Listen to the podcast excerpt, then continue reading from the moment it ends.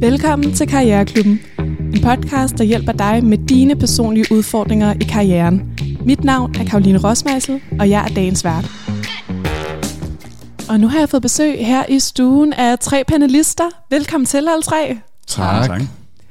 Vi kan måske lige starte med at præsentere jer selv. Vi kan jo starte med dig, Adrian.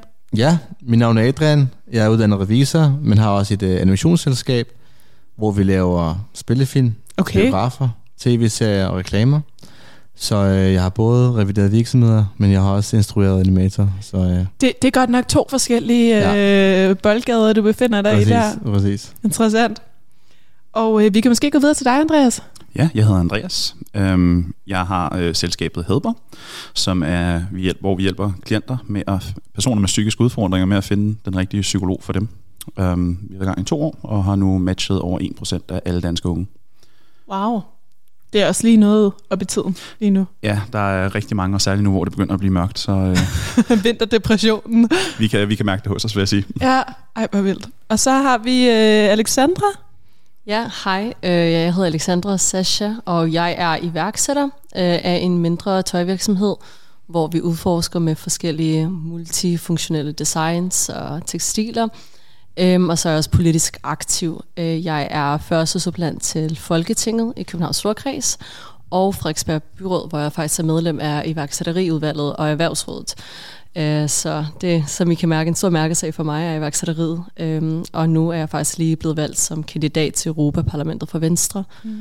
Så det er noget af nogle multikarriere, synes jeg lidt, vi har her. Noget revisor med animationsfilm og både øh, europaparlamentarikere, men også øh, iværksættere. Det er fedt. Det er fedt. Det, måske kommer der nogle dilemmaer omkring det med at have flere. Det kunne være fedt. Mm. Mm. Er I klar til ja, det allerførste dilemma? Klar. Det lyder sådan her. Kære Karriereklubben, jeg er lige blevet færdig med min CBS-uddannelse i virksomhedskommunikation. Men jeg gjorde mest studiet færdigt for at gøre det. Jeg brød mig faktisk ikke rigtig med, så meget mere om faget. Jeg overvejede, om jeg skal tage en helt ny uddannelse, men så er jeg bange for, at jeg kommer for meget bagud. Hvor meget kan man skifte felt i sit arbejdsliv? For jeg er meget bange for at fastlåse mig for meget. Jeg har for eksempel tænkt på, at øh, det kunne være godt, hvis jeg lærte noget om AI, da det jo nok kommer til at påvirke fremtiden meget, og det er noget, der interesserer mig. Hvad vil I gøre i min situation? Venlig hilsen Amalie. Der er faktisk lige noget, det med to forskellige øh, Fuldstændig. karriere. Ja. Måske kan vi starte med revisoren. Ja, altså, jeg har jo siddet i præcis samme situation. Ja. Fuldstændig. Fordi jeg har virkelig skyndet mig igennem mit uddannelsesforløb, og blev færdig som 23-årig med en kandidat, og troede, jeg skulle arbejde fuldtid som revisor og blive statualiseret og så videre. Men så opdagede jeg virkelig hurtigt, at måske har jeg skyndt mig for meget, og måske skulle jeg holde dit sabbatår, eller måske skulle jeg måske trække vejret og tænke over mine beslutninger. Og jeg fandt ud af ret hurtigt, at man har ikke travlt. Hun, det lyder som om, hun tænker meget på, at hun kommer bagud i forhold til andre, i forhold til, hvad samfundet forventer osv., men tro mig, det er bedre at vælge det rigtige fem år for sent, end at arbejde med noget, man ikke kan lide næste 50 år, 40 år, 30 år, whatever, og finde ud af, at man har spildt sit liv. Det er i hvert fald min klare holdning. Mm. Har du selv øh, tænkt, at du skulle have noget andet uddannelse? Ja, fordi øh, selvom jeg har valgt revisorerhvervet, så er jeg meget kreativt anlagt. Men jeg har ikke mod nok på at tage en ny uddannelse. Og det fortryder jeg lidt nu. Mm. Øhm, jeg fortryder lidt, at jeg ikke, før jeg flyttede ud, da jeg ligesom var ikke var økonomisk afhængig af et, øh, et fuldtidsjob og skulle betale husleje og så videre, at jeg ikke udnyttede den mulighed til at studere videre eller prøve kraft af med, hvad jeg kunne lide. Ikke? Når man først har taget det skridt og arbejder fuldtid og køber en ejendom, så bliver man bare bundet på en anden måde. Så mens hun stadig kan, mens hun stadig ikke sidder så dyrt, mens hun ikke har stiftet en familie endnu, så skal hun helt klart prøve af, hvad hun har lyst til. Hvad tænker du, Alexandra, med øh, sådan selvstændig baggrunden og ja, jeg kunne faktisk rigtig meget sætte mig ind i det dilemma, for jeg har faktisk ja. selv også øh, lige efter min uddannelse, jeg blev færdig på Bjerg Gymnasium, så gik jeg ind på CBS og øh, læste International Business and Politics, som var nok noget af det mest bred, altså en rigtig bred, virks, øh, bred uddannelse, ja. hvor man rammer forskellige ting. Og der indså jeg, at jeg ville mere det politiske som uddannelse, Øh, og jeg vil få erfaring i det rigtige liv i erhvervslivet, så jeg tog mange praktikpladser på blandt andet Bloomberg og banker og prøvede forskellige ting af. Øhm, og jeg er en meget stor sådan, støtter af at prøve forskellige ting. Jeg synes ikke, man skal... Øhm, altså mange felter, for eksempel AI, kommer snart til at være i alle de ting, vi laver. For eksempel som iværksætter, så arbejder jeg jo næsten hver dag med ChatGPT mm. til mit... Øh, altså til content. Øh, samtidig arbejder man med salg og design. Øhm, og så har jeg det politiske, hvor jeg prøver at fremme budskaber og gå ind i lovgivning. Og jeg føler, at folk nogle gange stiller mig det spørgsmål, Ej, du laver så mange forskellige ting, og giver det mening, og altså alt muligt. Men for mig, så er de alle ligesom man, man lærer forskellige skills i alle de ting, som vi kan se i vores panel, har vi både en revisor og kreativitet, og altså, beklager, tit ser man, at øh, nogle af de altså, kendte værksætter, vi kender, de har prøvet så mange ting forskellige af. Også folk, der arbejder i virksomheder. Så jeg synes, altså jeg vil nok sige, gå ud i det rigtige liv og prøve ting af. For det man, jeg er, altså jeg synes uddannelse er fantastisk, men selvfølgelig en bog kan slet ikke lære dig det, du kan lære i det rigtige liv, altså i, i erhvervslivet.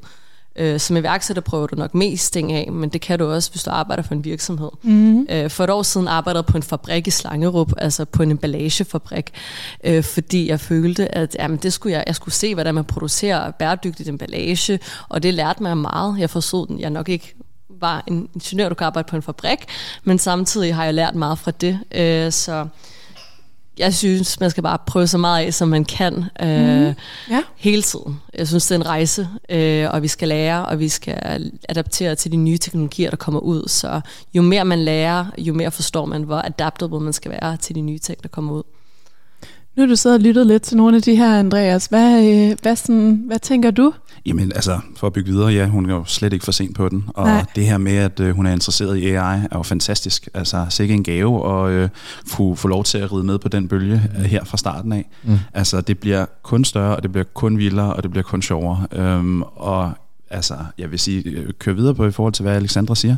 Det her med, at, at hun allerede har en uddannelse, prøv det i det, i det virkelige liv, øhm, og så hvis det virkelig er noget, hvor du ser, at der er en, en barriere for det, så overvej, om, om du skal tage en uddannelse inden for AI. Ude på DTU har de jo lige lavet den her nye AI-gren. Øhm, sindssygt fede, øh, fede initiativer, der også kommer derfra. Så altså, der er masser af muligheder. Jeg synes bare, hun skal ud og, ud og snuse, og så skal hun slet ikke være bange for at, øh, at holde sig tilbage. Mm. Helt enig. Ja. Har I prøvet det der med, at man altså, man, man har færdiggjort noget, og så står man i en situation, hvor man tænker, hov, de jobs, jeg kan få nu, eller den her uddannelse, jeg valgte, det var måske ikke lige helt det. Måske kan du øh, gribe den, Andreas? Øh, jeg, kan, jeg, kan, jeg kan prøve. Jeg vil sige, at nu er jeg uddannet ingeniør og har øh, er nok øh, en af, hvad kan man sige, den ene procent af befolkningen, der ved mest omkring, hvordan køleskabe fungerer. øh, det bruger jeg ikke så meget til dagligt, og når jeg ligesom kigger tilbage, så er det nok øh, heller ikke der, jeg, øh, ja, jeg har lyst til at, at, at begive min veje. Øh, men jeg vil sige, at jeg lærer man lærer rigtig meget omkring det der tekniske setup og den strukturerede ting, og det har hun helt sikkert også gået med fra CBS, så hun kan bruge sin uddannelse til rigtig mange ting, på trods ja. af, at, hun ikke, øh, at, at det, det måske ikke er det, hun kommer til at kigge i. Fordi uh, hele den her økonomiforståelse, hvordan er det, at, uh, at organisationer fungerer, altså det er, det er en gave for enhver virksomhed, og hvis du kan kombinere det med din interesse for AI eller noget teknisk, altså så står du et rigtig godt sted. Ja. Ja. Jeg, altså, jeg vil også sige, at det lyder som om, at hun ligesom frygter, hvad vil andre tænke, hvis jeg skiftede uddannelse. Men ens fremtidige arbejdsgiver er jo også et menneske, og har også andre interesser. Og jeg, og jeg lover dig, at de fleste af de her mennesker vil også ønske, at de udforskede deres interesser. Mm. Så hun skal ikke tænke, at åh, men altså, han, han, han tænker sikkert, at jeg er mærkelig, fordi jeg lige pludselig læste læge efter, eller whatever, eller mm. læste på D2, efter ja. jeg læste på CBS. Fordi det vidner om, at du så søger et job på et tidspunkt, at du rent faktisk laver det, du gerne vil, og ligesom har, du er mere bevidst om, at du, du gerne vil lave det her, du laver. Så øh, jeg tror ikke, man skal være bange for at være ens Nej. fremtidige arbejdsgiver. Men, men jeg tror, at der er en, altså, den her problemstilling omkring, kommer man bagud i livet, øhm, det, den, er jo, den er jo reelt nok, fordi øh, øh, altså, øh, det her med, at man står på den anden side, og ens venner begynder at få børn og mm. familie og alle de her, og hvis hun så starter på en, øh, en uddannelse, det er, det, det kommer ikke til at være lige så hårdt, som hun tror, men det kommer alligevel til at være, være, være en udfordring. Især ja. i vores samfund. Altså, vi har jo også lidt den her perfektionistkultur, hvor at man skal allerede i vores, eller vi er forskellige aldre, men man skal mm. have hus og familie og arbejde. Altså, da jeg var jeg ved ikke, 18 år, så tror jeg som 30 år vil jeg nok have alt på plads. Nu er jeg 28 år, og jeg er lige begyndt at, sådan, at få styr på nogle ting. Øhm, og jeg synes, altså det er, for unge er det ret svært i dag, øh, både at få arbejde øh, og uddannelse og alle de her ting. Det er ikke så let at købe et hus, som det var for vores forældre mm. dengang. Men samtidig er der så mange fantastiske muligheder. Altså internettet og som vi nu snakker, kunstig intelligens, åbner så mange døre. Altså jeg sidder, min, min hobby er at sidde og nørde kunstig intelligens. Ja, jeg sidder og ser fedt. reels på, på YouTube, hvordan man kan sådan finde alle de her fede øh, AI, der bare kan lave det vildeste med, med kunst og med billeder. Øh, og jeg har lært min mormor at bruge kunstig intelligens. Hun er kunstner, så hun laver nu hendes nye malerier med AI. Øhm, og det får jeg sige, altså det, det sker så hurtigt. Nu har Elon Musk også øh, lavet hans ligesom nye AI-platform. Så jeg synes, at hvis man allerede man kan høre på hende, at hun er en, der ligesom er nysgerrig og er opdateret med de nye øh, ja, teknologier, mm. så jeg synes helt klart, gå ud og prøv alle mulige forskellige ting. Øh, AI kommer til at være næsten alle steder, det, altså, ligesom internettet dengang ikke? Uh, havde den revolution. Så gå ud og prøv, øhm, og selvfølgelig er der den stress med, at altså jeg kan huske, da jeg blev færdig med min uddannelse, var jeg faktisk lidt deprimeret.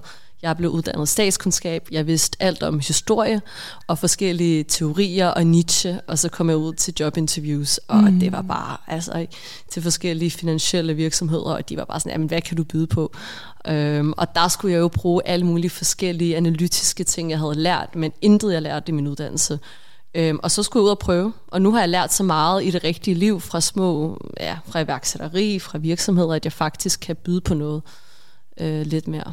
Så du er faktisk over i den altså sådan boldgade, der hedder bare gå ud og lave ja. noget med AI, mm. eller ja. kig på det, tage nogle kurser. Øh, Lyt til eksperter. Lyt til eksperter. Gå hen til virksomheder og bare være sådan, ej men, I bruger AI, eller kan I lige fortælle mig, hvordan I har lavet den her transition, øh, for eksempel. Lær, hvad, hvad, folk er jo rigtig åbne, især i Danmark, synes jeg, og især iværksættere for eksempel, og virksomheder, de er rigtig glade for at åbne lidt op og dele deres erfaringer og ting. Så gå ud og lyt, altså ikke alt skal være sådan helt på instruktion. Vær lidt outside of the box, kan man sige. Mm. mm. Lyt det til kan... podcast som det her. Ja, måske kan det også, altså sådan, kan det måske også gøre hende lidt mere særlig. Altså, så har mm, man mm, noget virksomhedskommunikation, ja. men så er man altså virkelig interesseret præcis. i AI. Jeg vil lige sige et råd, ikke? generelt til det her. Hun står i en situation, hvor hun skal gøre noget eller ikke gøre noget. Og min livsfilosofi er, at det er værre at fortryde noget, man ikke gjorde, end at fortryde noget, man gjorde. Så det, mm. tro mig, hun kommer, det, det, er en, det er en værre følelse at leve 20 år og tænke, hvad havde der sket, hvis jeg, hvis jeg bare følte min mavefornemmelse, eller fulgte min drøm, end at hun så prøvede det, mm. tog en ny uddannelse, og alligevel ikke arbejdede det felt, og tænkte, i det mindste prøvede jeg at udforske det. Den følelse er, er meget bedre end det modsatte. Så Men det du er faktisk der, hvor du synes, hun skal tage uddannelsen? Selvfølgelig. Okay. Hvad er det værste, der sker? Ja. Hun tænker, det værste, der kan ske, er, at det går for hende. Det var ikke det alligevel. Mm.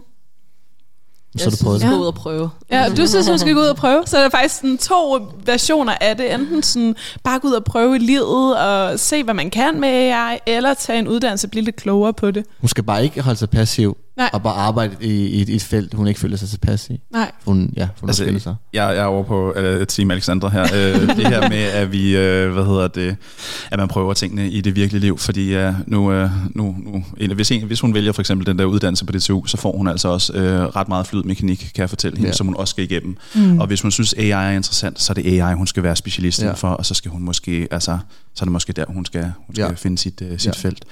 Øhm, så ja. prøv det, og så hvis du synes, det, det er det fedeste, jamen så, øh, så, så kan hun jo få den der tunge uddannelse igennem. Øh, altså, øh, altså så, så tage en, en, en, en uddannelse ja. inden for det, hvis det er du med. Mm. Øh, men prøv det. Der, ja. der er så mange, der har brug for det. Men ja. hvis jeg lige kan tilføje noget. For eksempel, jeg vidste fra en ret ung alder, tror jeg, at jeg gerne ville lave noget værksætteri. Jeg ville gerne lave noget, og jeg var rigtig glad for business. Så da jeg tog den her businessuddannelse, store del, så i International Business and Politics, jeg kunne rigtig godt lide politikdelen, men jeg kunne slet ikke lide altså, mikroøkonomi og øh, de der, vi havde sådan en virksomhedsuddannelse, jeg kunne slet ikke lide det, og markedsføring for mig var nok det værste, så jeg var sådan, ej, jeg skal aldrig nogensinde lave markedsføring. Jeg skal aldrig nogensinde være iværksætter, fordi det der med at lave lektier og sådan lave opgaver, det var rigtig dårligt til, præcis i det der fag. Men så gik der selvfølgelig 3-4 år, hvor jeg så ikke læste, men så da jeg begyndte at lave det, begyndte jeg at elske det. Så der er også nogle gange det, at det er ikke for alle, men nogle gange så uddannelsen i et felt, nogle gange er det bedre uddannelse, lad os sige noget lidt mere andet, mm. men så lave det ved siden af. Det gjorde, at jeg uddannede mig i statskundskab men så sammen, og lovgivning, men samtidig lavede jeg erhvervserfaring i det rigtige liv, og det var sjovt for mig. Så kunne jeg se, okay, det behøver ikke at være en bog, man kan faktisk gå ud og prøve og sælge, og sådan prøve nogle ting af. Så nogle gange er der også, øh, så lad os sige, hun kan lide AI, men hvis hun tager uddannelsen, så betyder det ikke altid, at det er lige det. Det er også Øhm, mm. ja, øh, det, det er også en god tungt. pointe. Øh, selvom jeg synes, man altid skal uddanne sig. Jeg er ikke imod uddannelse. Jeg siger bare, at nogle gange, så, så er der også ligesom den anden side til tingene. Men det kunne måske være nogle kurser, eller et eller andet Ja. andet, som måske ikke forpligter hende Helt til klart, et, ja. et helt forløb, men bare sådan Ja. giver hende noget ekstra viden. ja. Ja. Men det er interessant det der med, at du siger, at øh, det var, når du så kom ud, så var Ja. det faktisk marketing, du synes, det var ret sjovt, Ja. det der med at sælge, og Ja. det kan jo være, hun synes, kommunikation er sjovt, når hun kommer ud, øh, at det Ja. bare var på studiet, og at det ikke var sjovt. Altså, jeg kunne slet ikke som et fag, jeg fik også en dår, et dårligt karakter i det, og jeg har altså ret godt snit og generelt er sådan glad for at studere, men jeg var så dårlig, og jeg kom hjem og var ked af det til min mor, for min mor har en MBA, jeg var sådan lidt, mor, jeg er elendig, jeg kan slet ikke det der virksomhedshalløj. Og det var de der kæmpe, tunge amerikanske bøger, hvor der bare er sådan 300 sider. Øhm, og så sagde hun, ej, men vent lidt, og så prøv det af lidt senere. Og, og nu elsker jeg jo sådan de forskellige ting, jeg laver. Der er selvfølgelig ups and downs i alt, men jeg synes, det er sjovt, når man rent faktisk kan se resultater. Man kan, altså man, ligesom, det går frem og tilbage, ikke? Øhm, så ja. Okay, jamen øh, jeg tror, der er sådan et, to, et torettet råd her fra øh, panelet. I hvert fald, øh, så skal du ikke være bange for det med enten at skifte retning, altså det, om det er en uddannelse, eller om det er at prøve noget af ude i arbejdslivet. Begge ting kan, øh, kan fungere. Alexander har prøvet det mange gange, det der med, at der var noget på skolebænken, hun faktisk ikke synes var særlig sjovt. Og så kommer man ud, og så er det faktisk rigtig spændende. Så det kan sagtens være, at du kan øh, komme til at lave noget med AI. Det, øh, det, der, det er der mega gode muligheder for. Ud og prøve det af. Det er det, er det der er panelets øh, råd herfra. Tusind tak for dit dilemma.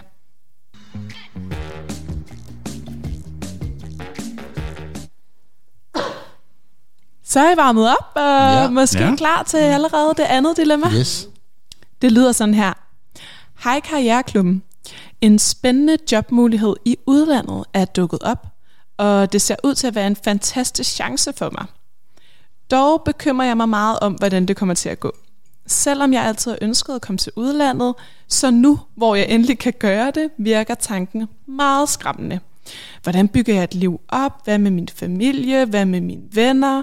Det er ikke fordi, jeg har nogle børn eller nogle store forpligtelser, så det er også nu, jeg skal gøre det, hvis jeg gerne vil, siger folk til mig. Men lige nu føles det bare meget skræmmende, og jeg er bange for, om det overhovedet er det rigtige, selvom det er det, jeg gik og drømte om. Hvad vil I gøre? Med venlig hilsen, Rasmus. Ja. 100% gør det. Fordi jeg, Også selvom det er skræmmende, det er Adrian. skræmmende. Altså, jeg kan huske, øh, jeg overvejede selv, at jeg skulle på udveksling. Øhm, og jeg tænkte for mig selv, at det bliver rigtig fedt. Og jeg gjorde det, og jeg boede et halvt år i Spanien. Men de seks måneder, jeg boede i Spanien, var faktisk ikke så, så sjovt, som jeg troede. Men når nu er jeg kommet tilbage og tilbage på det, så lærte jeg utrolig meget om mig selv, og mine sproglige kundskaber, og så meget. Altså selv om det ikke var så fedt, den periode, jeg var der, så lærte jeg virkelig meget. Så prøv at tænke på, hvis jeg både havde en fed, fed oplevelse, og jeg lærte virkelig meget af det, så jeg synes slet ikke, hun skal tænke på det. Specielt, hvis hun ikke har nogen forpligtelser. Han, der- men ja. Undskyld, hvis. Ja. han ikke har nogen forpligtelser. Det er noget andet, hvis han sagde, jeg har to børn, min kone skal sige sit job. øh, også, øh, Ja, han var der. Ja, han, ja. min kone skal sige sit job op. Ja. Øh, jeg har lige købt en ny lejlighed, og så videre, og så videre. Så jeg synes, at det er helt oplagt, at, øh, at man skal gøre det. Men var det en fed tur? Altså, du sagde, det var også hårdt. Det var virkelig hårdt, men du får en hel masse øh, venskaber og bekendtskaber, som du tager med videre i livet, som du ikke, du ikke vil kunne få ved, i Lille København, eller hvor personen er i, fra i Danmark. Og det er så givende. Øh, nu ved jeg ikke, hvilket land det er, men specielt hvis det er et land, hvor man ikke for eksempel taler engelsk, så er det jo også en mulighed for at lære et nyt sprog, lære en ny kultur. Så jeg synes bare, at det er så givende, at man, man får ikke de her muligheder øh, hver dag i livet. Det er i hvert fald min holdning. Ja. Hvad, hvad tænker du, Andreas? Jamen, øh, jeg har så meget empati for hende, fordi jeg forstår udmærket godt, hvordan, øh, hvordan hun har det. Eller undskyld, han har det, Rasmus har det. øhm, og Øh, jeg vil sige sådan, det bliver, øh, det bliver kun værre, når du, øh, når du står øh, efter sådan sov overnatter dig efter dag to, og sådan ligesom tænker, hvorfor pokker er du så dum, og vælger at rive hele dit øh, alrødder op og plante dig et nyt sted. Øhm, jeg har gjort det øh, tre gange i USA og i Australien. Øhm, og Jamen altså, det, det har været, det, har været øh, det hårdeste, jeg nogensinde har været igennem. Øh, min første tur i USA, øh, men også været, været noget af det, der har, har bygget mig op til den, jeg er i dag. Jeg var mm. så ensom, jeg var i USA. Øh, så, det var, og der, der sagde jeg, der tror jeg nok ikke hjem. Altså det er det, man skal huske. Man kan altid bare tage hjem. Øh, Præcis. Og, og, og, det er ikke et fængsel. Nej, det er ikke et fængsel. øh, og man skal lade være med at gøre det til det, fordi det gjorde jeg lidt. Øh, men jeg, jeg boede et år i USA og havde det øh, helt forfærdeligt. Øh, og så øh, havde jeg et andet år i USA, hvor jeg havde det helt fantastisk. Øh, gik på universitetet over, og så havde jeg øh, så arbejdede jeg lidt i Australien også. Øh, og jeg vil sige, hver gang havde jeg, har jeg haft den der sådan, hvad er det, du tænker på, Andreas? Nu har du fucking gjort det igen. Øh, hoppet ud og kender ikke nogen. Øhm, så jeg forstår udmærket godt det, det, der har været det, men man lærer så meget af det. Mm. Altså Rasmus, du kommer hjem en, en helt anden person, og Danmark flytter sig ikke. Jeg synes næsten, det er skræmmende, når man kommer tilbage og ser, hvordan alt er bare er præcis det samme, ja. som man har forladt det. Øhm, præcis og, og man selv bare har rykket sig, øhm, så gør det, det er et eventyr øh, at tage det ind, men, men, men for, altså, jeg, jeg forstår udmærket godt, hvad det er, ja. du kan sagtens komme tilbage igen. Ja, jeg kan ikke være fuldstændig enig med alle panelister, og jeg har selv gjort det. Jeg var cirka ja. jeg kan 18-19, da jeg flyttede til London. Øh, jeg brændte dog for, for at ligesom tage den her uddannelse, international uddannelse, men jeg var også utrolig... Øh, jeg var rigtig ensom i starten også, øh, men det er, det er nok noget af det bedste, jeg har gjort. Der har været, ja, jeg har lært så meget om ens verden åbner bare op på, et andet, på en anden måde, fordi Øh, jeg elsker Danmark, men det er ikke det største land i verden. Og øh, perspektivet, altså vi bor i en global verden, og alle de udfordringer, vi står med i øjeblikket, altså politisk, økonomisk, de er jo globale. Altså klima og inflationen og krig, altså alt er globalt, så jo mere man forstår, der er ligesom en verden omkring, altså ud over Danmark også, og hvordan de andre kulturer har det. For mig er det nok det, der har givet mig en af de bedste erfaringer, og selvfølgelig også skills, øh, som jeg har brugt fremadrettet i min karriere. Øh, men jeg vendte så tilbage efter London, og jeg er utrolig glad for den oplevelse. Hvis man rejser, betyder det jo ikke, at man skal blive der. Det, mm. Jeg havde sådan lidt, jeg kan huske et tidspunkt, hvor jeg blev lidt ked af det, hvor jeg følte, at jeg har ikke ligesom fået den der kæmpe success story i England. Jeg fik ikke det der Goldman Sachs job, og mm. jeg fik en rigtig god uddannelse og et rigtig godt karaktersnit, men jeg var rigtig nervøs over, at jeg skulle ligesom vise til mine forældre, at ja, det var bare det vildeste, men, nej, men det behøver så heller ikke at være. Det er en, en oplevelse, det er en erfaring. Øh, det er fint at have en mindre dog god oplevelse. Jeg havde en fantastisk oplevelse, men jeg havde også nogle udfordringer. Så som et lille råd er også, at selvfølgelig man skal være bevidst, at det kan være lidt svært øh, at være et nyt. Øh, det kommer an på, hvilket land det er. Jeg var i England, det er tæt på Danmark, og dengang var det Europa. Så jeg havde selvfølgelig også ligesom et netværk. Men et lille råd er, at øh, have et lille, på forhånd et lille netværk derude, måske have et par venner, spørg nogle venner, kender I nogen i det land, øh, så man måske har et par kontaktpersoner. Øh, vær selvfølgelig også, at ens venner og familie kan være lidt støttende i starten, men man skal også ud i ligesom den kultur, man er i. Jeg havde nogle venner fra Danmark, der blev i deres lille boble, så de fik aldrig de der venner, og de fik aldrig prøvet ting af. Øh, så, men jeg var det omvendt. Jeg prøvede alt af, øh, og mine danske venner var sådan lidt, ej, du bare glemt os. Så var jeg sådan, nej, men jeg blev nødt til at prøve ting af, for ligesom at komme ind i den her kultur. Øh, men jeg synes helt klart, gør det, øh, og vær okay med, at ligesom det kan gå godt, det kan gå dårligt, men det er helt klart en erfaring, og alle fremtidige arbejdsgiver vil kun være glade, for man har lidt mere i sin, ligesom, ja, man har lidt mere øh, forståelse for andre lande, kultur og lovgivninger. Og som hos Andersen sagde, rejse er leve. Mm. Så øh, ja, jeg synes helt klart, Rasmus burde tage skridtet, og som Andreas sagde, det er et rigtig gode citat med, at man ikke skal... Øh, men det der med, at man skal tage chancen, ja. og man, man, ja. øh, man fortryder det, man ikke Adrian, har gjort. Ja. Ja. Jamen, det er rigtigt. Men, men altså sådan, også selvom man sidder og bare tænker, nej, jeg vil bare ikke, jeg vil ikke afsted. Altså sådan, mm. ligesom du måske havde det, øh, Andreas. Det er jo en naturlig følelse, man har, og, og han skal også bare sådan ligesom, hvad kan jeg sige, det er jo også bare, at han, han nu er i gang med at, at vende, hvad kan man sige, gå, gå, altså skal prøve noget nyt, og det er klart, at man har det sådan, og det skal han, det skal han leve i, og så skal Præcis. han også bare komme videre, når, når, når han har brug for det, ikke? Så tag, tag skridtet, kom ud og altså, jeg kan, lø- altså næsten aldrig, man fortryder, øh, at man har taget sådan en udlandsrejse og prøvet det. Nej. Altså, vi var også nervøse, da vi startede i folkeskolen. Vi var nervøse på første date. Altså, vi, altså, vi er generelt nervøse i situationer, vi ikke har været i. Så selvfølgelig skal personen gøre det. Og det er også et godt råd, øh, de to andre kommer med, at måske skal man lige have den rigtige indstilling, at vide, det, det bliver en lærerig oplevelse, men med høj sandsynlighed kommer det til at blive lidt hårdt, for det er nyt, det er fremmed, men jeg skal nok komme igennem det. Øh, den, den indstilling havde jeg. Jeg tænkte bare, at det bliver party, det bliver hygge, det er let, det er Spanien. Men jeg skulle måske lige have tænkt, at, øh, at øh, det kan godt være, at der er nogle perioder, der er lidt hårde. Men jeg vil også lige sige, det kommer også an på, hvor det er. Hvis personen snakker om, at det er i, i Stockholm, Mm. så vil, jeg, altså, så vil jeg grine af det og tænke, det går nok. Men hvis det er i Uganda, så forstår jeg godt, at personen tænker en gang eller to over at, at tage den beslutning, øh, hvis, whatever. Øhm, Men det lærer man vel også meget det lærer man af. også meget af. Ved man, men- hvilket men- land det er egentlig? Det, det, det siger dilemmaet ikke, men, øh, men udlandet, og det er i hvert fald noget, der skræmmer ham. Så må det nok være lidt... Det må nok øh, være lidt længere end Stockholm, tænker jeg. Men, Men jeg vil, jeg vil sige, Selv ligegyldigt, Uganda vil man jo lære noget af. Ja, præcis. ligegyldigt hvor du er i, i verden, så er der jo altid det her international community, og den kan man altid læne sig op af. Så Ja. man Ja. kan sige, hvis man ikke har, altså hvis man gerne vil have enten om det er, er party, eller om det Mhm, er præcis. øh, afslappning, jamen så altså man kan finde rigtig meget af det i de her, de her internationale miljøer, der er Mhm. overalt i verden. Fordi der har du andre, der er i præcis samme situation, øh, som du også er i. Det kan hjælpe ret meget. Ja, det det, gjorde jeg brug af. Altså, ikke nok, men man har for eksempel Rotary, og man har alle mulige danske netværksgrupper i udlandet, som præcis har gået igennem de samme ting. Mm. Jeg fik en del hjælp til mine praktikpladser. Jeg var kun first year student. Jeg kendte ingenting. Og så på tredje måned sagde de, at man kan se, at du er ambitiøs. Gå ud og ansøg alle de her virksomheder. Og jeg ansøgte Bloomberg og British Petroleum, og ej, hvor var det fedt. Jeg lærte så meget, og jeg fik nye venner, og altså sjove events, og det gjorde virkelig sådan en god kickstart til mit år. Øhm, så jeg synes det der med at kunne måske finde nogle netværksgrupper lidt på forhånd, have nogle venner og spørge venner, vi kender jo nogen derhenne, så man bare har en kontaktperson, som man kan ringe til, når man ligesom der er et eller andet, der går i stykker, eller man ved ikke rigtig, hvad man skal gøre. Øhm, ja. Det vil jeg nok virkelig anbefale, øh, fordi man kommer til at have nogle svære øh, moments. Øh, ja. Og man kan sige, hvad er det værste, der kan ske?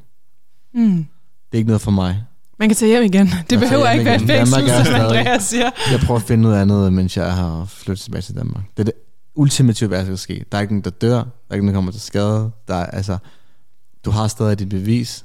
Du har stadig din erfaring, du har. Så det er sådan, jeg altid tænker, hvad er det værste, der kan ske. Ja, det er okay at fejle lidt, eller Præcis. det ikke lige blev den der, som, som du nævnte, partyoplevelse. For mig Ja. blev det ikke helt den der, jeg bliver karrierekvinde i Goldman. Altså, det er Nej. okay. Det er Præcis. ikke, øh, jeg kom tilbage og altså, stod på Præcis. gaderne på Frederiksberg og blev lokal, lokalpolitiker. Det er jo også, altså, det er en, så man ved virkelig aldrig, how life will turn out, men øh, jeg synes, det er en rigtig god indstilling, vi bare generelt kunne bruge i vores samfund, at det er okay, at det ikke, at ikke er fejle, men at det ikke lige blev det, man troede, at det ikke lige blev så perfekt og polished og øh, flot på CV'et. Det er okay. Ja. Vi har vel også tendensen til, at nu, nu er det også blevet sagt flere gange i panelet, ej hvor fedt, ej, men, ej hvor fedt du var afsted og sådan noget. Det kan vel også lægge det der pres på, det skal være fedt. Ja. Altså måske er det mere bare en livsrejse og noget, man får, altså lærer virkelig meget af, men det behøver ikke at være det der, det var bare for fedt at være Ja. i USA, eller... Men altså, det er sjovt, du siger det, fordi jeg står i samme situation lige nu. Min kone overvejer at læse, at tage i praktik øh, i udlandet, i Emiraterne. Og hun spørger mig tit, skal vi gøre det? Hvad med dit? Hvad med dat? Og jeg har sagt til hende, og det er min egen kone, vi skal 100%, 1000% gøre det. Jamen, hvad med dit? Hvem dat? Vi skal nok finde ud af det. det hvad- hvad er det værste, der kan ske? Du, gør, du skal tage et praktikforløb her på 6 uger. Altså, det er det værste, der kan ske. Vi gør det 100%, så jeg prøver at sige, det er ikke bare fordi, jeg mm. tomme snakker og siger, ah, det bliver Ja. fedt. ah." Jeg har det selv sådan her, og selvom jeg havde en dårlig, og dårlig oplevelse, så, så min kæreste ej, altså min, ikke ej, ej, men min, min, min, min, min, øh, det kæreste, jeg ved, Ja, øh, min kone, Ja. ja. anbefaler også at gøre det. Ja. Og står i præcis samme situation som vedkommende. det er alligevel stort også, hvis I har børn, og... Præcis. Og personen har ikke nogen forpligtelser. Ja. Så, øh, og fast ejendom alt muligt. Så, så øh, let's go. Det er bare afsted. Det er bare afsted. Hvad er så det, man lærer allermest? Altså sådan, hvad, hvad sådan, fordi man siger, man lærer meget, man er blevet et nyt menneske. Ja. Øh, sådan, hvad, hvad er det, man tager sådan allermest med sig for sådan en tur? And, Andreas sagde, at han var meget ensom, ikke? Og det, jeg følte mig også ensom. Også mig. Ja. ja. Men du lærer meget om dig selv i de perioder. Og du, tvinger dig selv til at snakke med folk, for du føler dig ensom på en eller anden måde. Så jeg føler sådan, jeg er nødt til at snakke med nogen i, til forelæsningen. Jeg er nødt til at snakke med personen ved busstop. Altså, jeg tvang, jeg, altså, det er det, jeg lærte, er ligesom at sige, ej, jeg er nødt til at, at snakke med nogen. Og, og ensomheden gjorde også, at man sætter pris på, når man så har, når man så ikke er ensom, så sætter man pris på, at det var virkelig hårdt, det der. Mm. Øhm, så komme ud af sin comfort zone, for mig var det øh, socialt at komme ud af min comfort zone.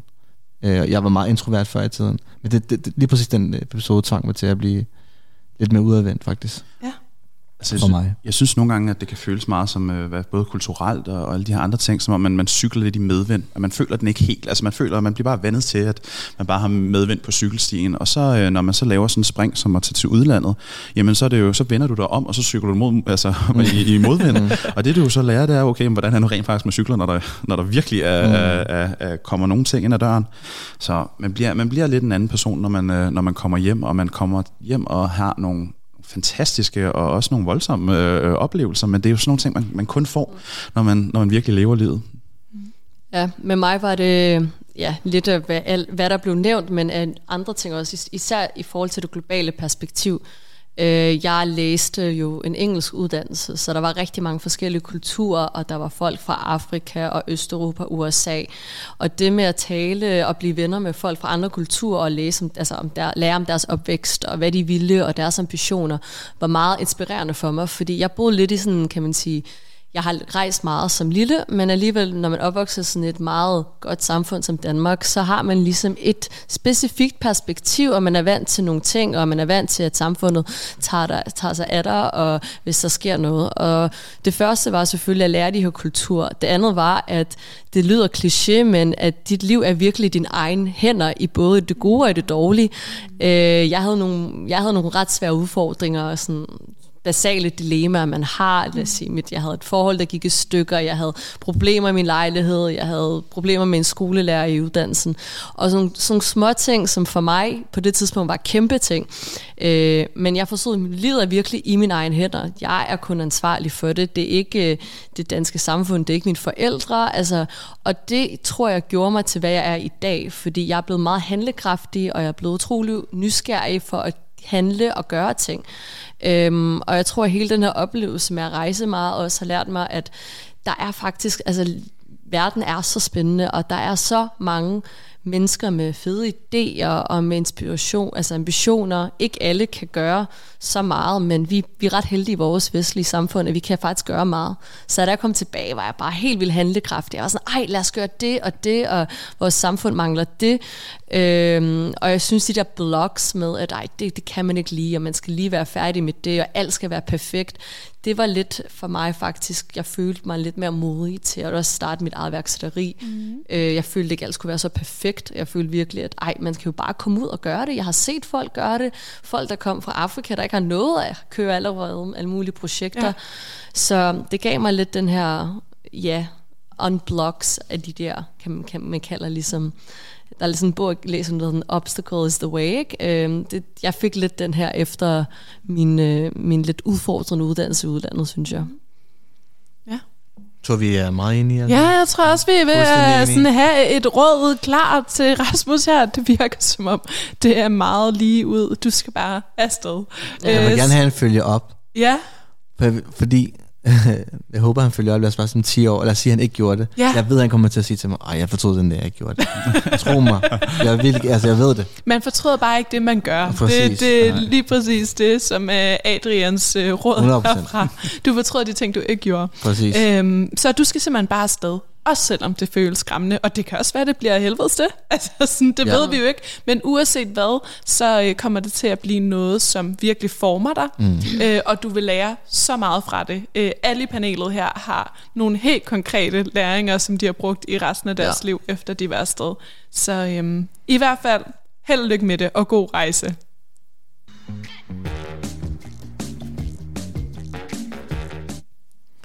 Så er vi faktisk nået til det aller sidste dilemma.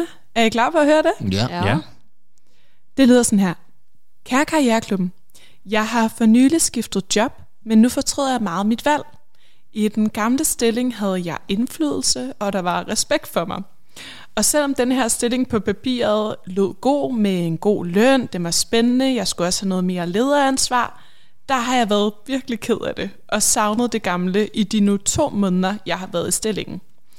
Jeg ved godt, at al ny start er svær, men jeg synes godt nok, at det her er hårdt. Skal jeg give det her en chance? Eller skal jeg prøve at se, om jeg kunne komme tilbage til den gamle stilling? Med venlig hilsen, Julie. Den er svær, den her. Ja. Den er svær. Den er svær. Fordi man ved ikke, hvor lang tid hun har været her. Jo, to, to, Nå, måneder. to måneder kun. To måneder kun. Okay. Men det kommer an på, hvilke faktorer det er. For eksempel for mig, hvis det er, lad os sige, hun har det svært ved selve arbejdet, så synes jeg, at man kan altid finde andre opgaver, og man kan måske ligesom, jo bedre man bliver til ting, jo sjovere bliver det.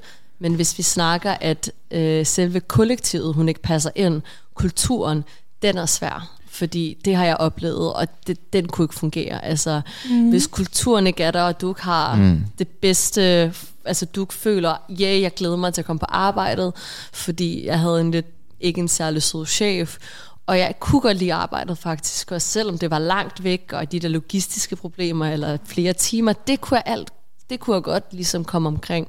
Men det med, at forholdet med ham ikke var særlig godt, eller kollektivet ikke lige var mig, den var virkelig svær. Mm. Øhm, så vil jeg hellere vende tilbage til det gamle. Ja.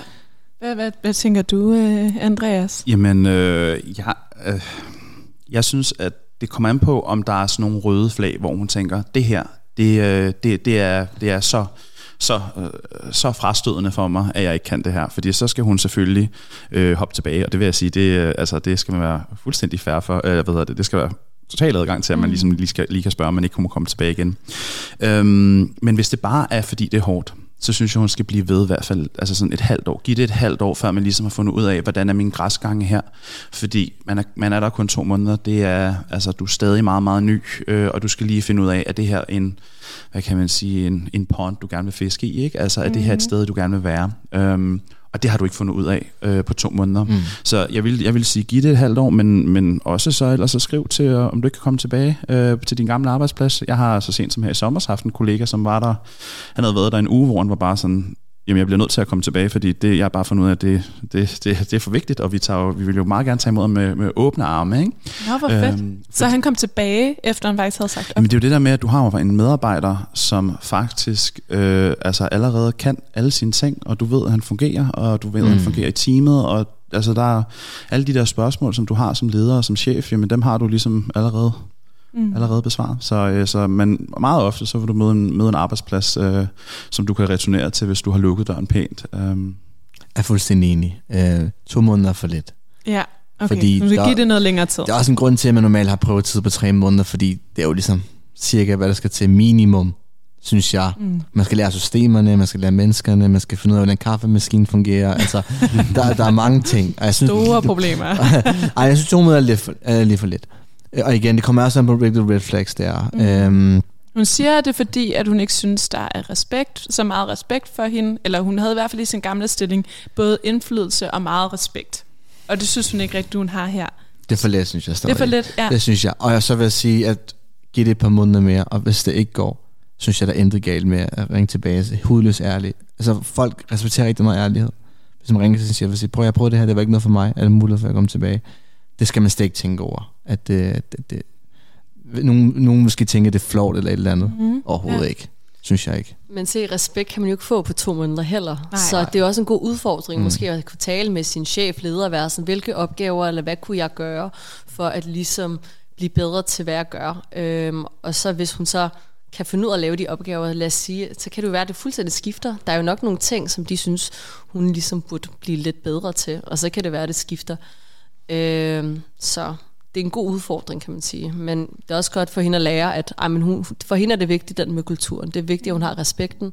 Så kig tilbage og kig på andre stillinger, hvor hun muligvis allerede har en god erfaring til at kunne få den respekt hurtigt eller et eller andet. Mm-hmm. Øhm, så det, det, det er godt med at prøve, så lærer man mere om sig selv og hvad man har brug for. Du er meget på den der prøvekanin i dag, synes ja, ja, men ud så, og prøv, ud jamen, og så prøv. lærer man jo også, nu ved hun, at respekt for hende er vigtigt, og ja. det er vigtigt for hende at føle, men der er jo en grund til, at hun gik fra det gamle. Så der manglede hun måske nogle opgaver, eller ligesom der var hendes ansvar for lille. Mm.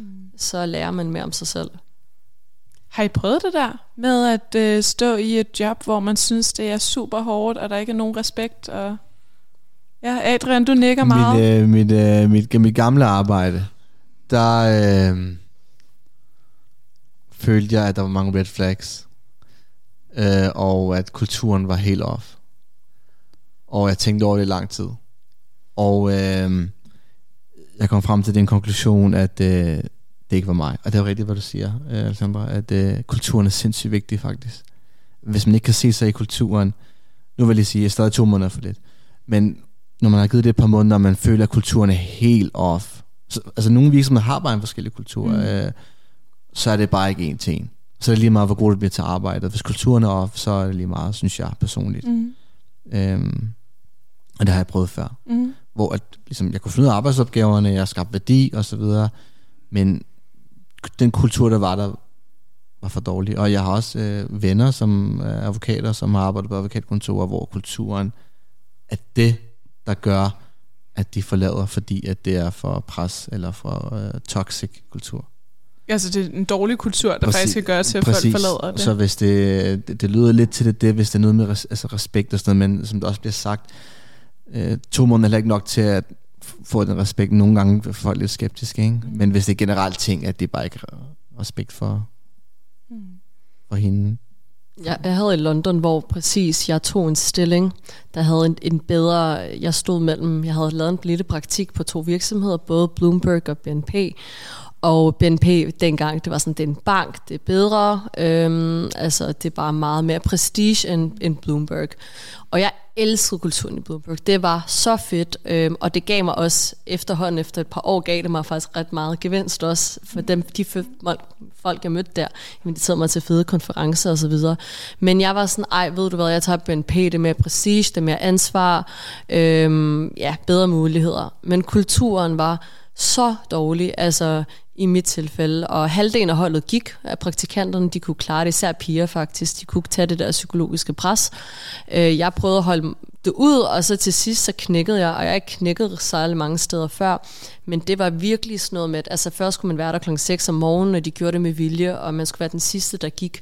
Mm. Øh, men det var der med, at der er så mange, der vil have din plads, og de gav dig opgaver, der var umulige at, at klare, med vilje for, at du ligesom kunne skabe den der resilience, som de sagde. Okay, wow. Men, øh, men, men jeg kunne slet ikke klare det, og jeg kunne ikke ind på sådan toilettet, fordi jeg var så træt bare for sådan, simpelthen lave sådan powernaps, og så lavede jeg sådan en timer, hvor jeg satte sådan en timer på 5 minutter, Øh, men så begyndte min timer at ringe, og så kommer jeg ud, og så står chefen på toilettet. Øh, og hun er sådan, hvad har du lavet? Og jeg var bare sådan lidt, åh oh, nej, jeg tog en powernap på fem minutter, og hun var sådan, du skal på kontoret nu. Så begyndte hun at råbe af mig, så begyndte jeg at græde. Altså helt, jeg var, jeg var 20 år dengang. Øhm, og jeg var sådan, og jeg var sådan, du må undskylde, jeg har bare haft det så hårdt, og alle de her ting. Og hun var sådan, der er så mange, der vil have din plads, og you better step up. Øhm, og jeg var så ked af det, og så til sidst, så, så gav jeg op øhm, og forstod, det er ikke for mig. Øh, måske var faktisk bankindustrien, ja. det kunne have været noget for mig, men den kultur dræbte mig fuldstændig. Så når jeg hører folk her, der har arbejdet i, i en bank, altså sådan, uha, uha, der skal jeg igen. jeg tager lige tilbage, det er bare noget i forhold til Jamen, jeg, jeg, jeg, har, jeg har været præcis på samme sted. Øh, altså, det, det, det er ikke sjovt. Ja, det er slet, og det kan være værre, altså i de der ja. Det, det er, ja, altså at gå sådan noget igennem, det er, det er en kultur for sig selv. Det er også sjovt, altså det skal også siges, det er sjovt, man får lov til, at man får, man får flere penge i hænderne, end man nogensinde har, har, har prøvet, og det er, det er måske lidt uansvarligt, når man er så ung. øhm, men det er, øh, det, er en, det er en kultur, det er fedt, og der er nogen, der trives rigtig godt med det. Øhm, og det, altså, det, det, jeg kan også, jeg kan også huske, jeg huske, huske min familie tænke sådan, hvad er det, du har gang i? Altså, hvorfor er det, du har ladet nogen som helst, øh, hvad hedder det, employer, altså, hvorfor har du lavet nogen som helst altså, behandlet dig på den ja, måde, og ja. hvorfor er det, du arbejder? Fordi altså, jeg så ikke øh, altså, venner eller familie eller noget som helst fra mandag til øh, hvad hedder det, fredag aften. Det var ligesom, øh, der havde jeg kun weekenden. Alt blev ligesom ja. taget, taget øh, hånd om, fordi at du havde ikke noget fritid. Du blev nødt til at, ligesom at skære folk fra. Altså du tog lige dine venner, og så tog lige 80% af det og kyldede dem. Sagde, vi ses, når der er på et eller andet tidspunkt ikke er en del af den her karriere mere. Mm. Men det er, øh, det er hvad kan man sige, den offring, man nogle gange kan, ja. kan komme ud i, hvis det er, man tager et af de her sådan, high speed jobs, øh, og ja. jeg vil sige særligt i udlandet. London er slem, Tyskland er også rigtig slem, øh, ja. New York, øh, Korea forfærdeligt. Og Men som Japan. du siger, nogen trives i det, og nogen kan, altså jeg kender nogle især fyre, de elsker det også. Jeg har en veninde, hun, hun gør det så godt lige nu mm-hmm. i investment banking i SEB, og hun er bare powerwoman, og hun elsker det, fordi hun gik igennem den der hårde periode. Øh, men, men for mig forstod jeg ligesom det, det der med at lære sig selv. For mig skal jeg have måske ikke respekt, fordi man, jeg har intet at byde på, og jeg var bare en studerende, altså jeg var en praktikant, jeg arbejdede der jo ikke, men jeg havde brug for, at folk var lidt nurse, altså nursing around me. Øhm, og så snart, at jeg fik den der, hvor folk råbte af mig, og så sagde de, jeg kan stadig huske, hun sagde, hun fik mig til at græde, og hun var bare så ond, altså hun var bare så nedgørende og råbte af mig, og så sagde hun, det er jo critical feedback, you gotta say thank you to me. Og jeg stod bare der i tårer og var bare sådan, ej, jeg føler mig helt forfærdelig. Og for mig var det ikke et boost. Altså, øhm, så jeg tror faktisk, det gav mig sådan lidt, ja, det, jeg, jeg kunne have levet uden den der critical feedback øh, moment. Så for jeg følte mig lidt sådan, ja, jeg kan intet, og jeg er ikke klog, og jeg kan ikke arbejde. Og det kan være, hvor, ja. efter det begyndte jeg værksætteriet, fordi efter de der afslag fra jobs og hende, så var jeg sådan lidt, ej, jeg dur jo ikke mm. til det der. Øh, nu kan jeg se, at du er til rigtig mange ting, øh, men ja, kulturen er virkelig vigtig, synes jeg. Så Ja. Ja, Ja. Mollys. Ja, du Mollis. Du er sådan helt blæst bagover af den, Det var der, den der toxic kultur. Jamen, jeg kan huske, uh, apropos øh, kulturen, så var jeg, jeg arbejdede i et stort revisionshus, og så var jeg i en afdeling. Jeg ved ikke, hvorfor jeg var der, for jeg havde en ven, der arbejdede i en afdeling. Og så var der sådan et skilt, hvor der stod noget med, at uh, man ikke skal øhm, spørger så meget ind til, hvis ens kollega går tidligt, fordi at folk har forskellige grunde til at gå.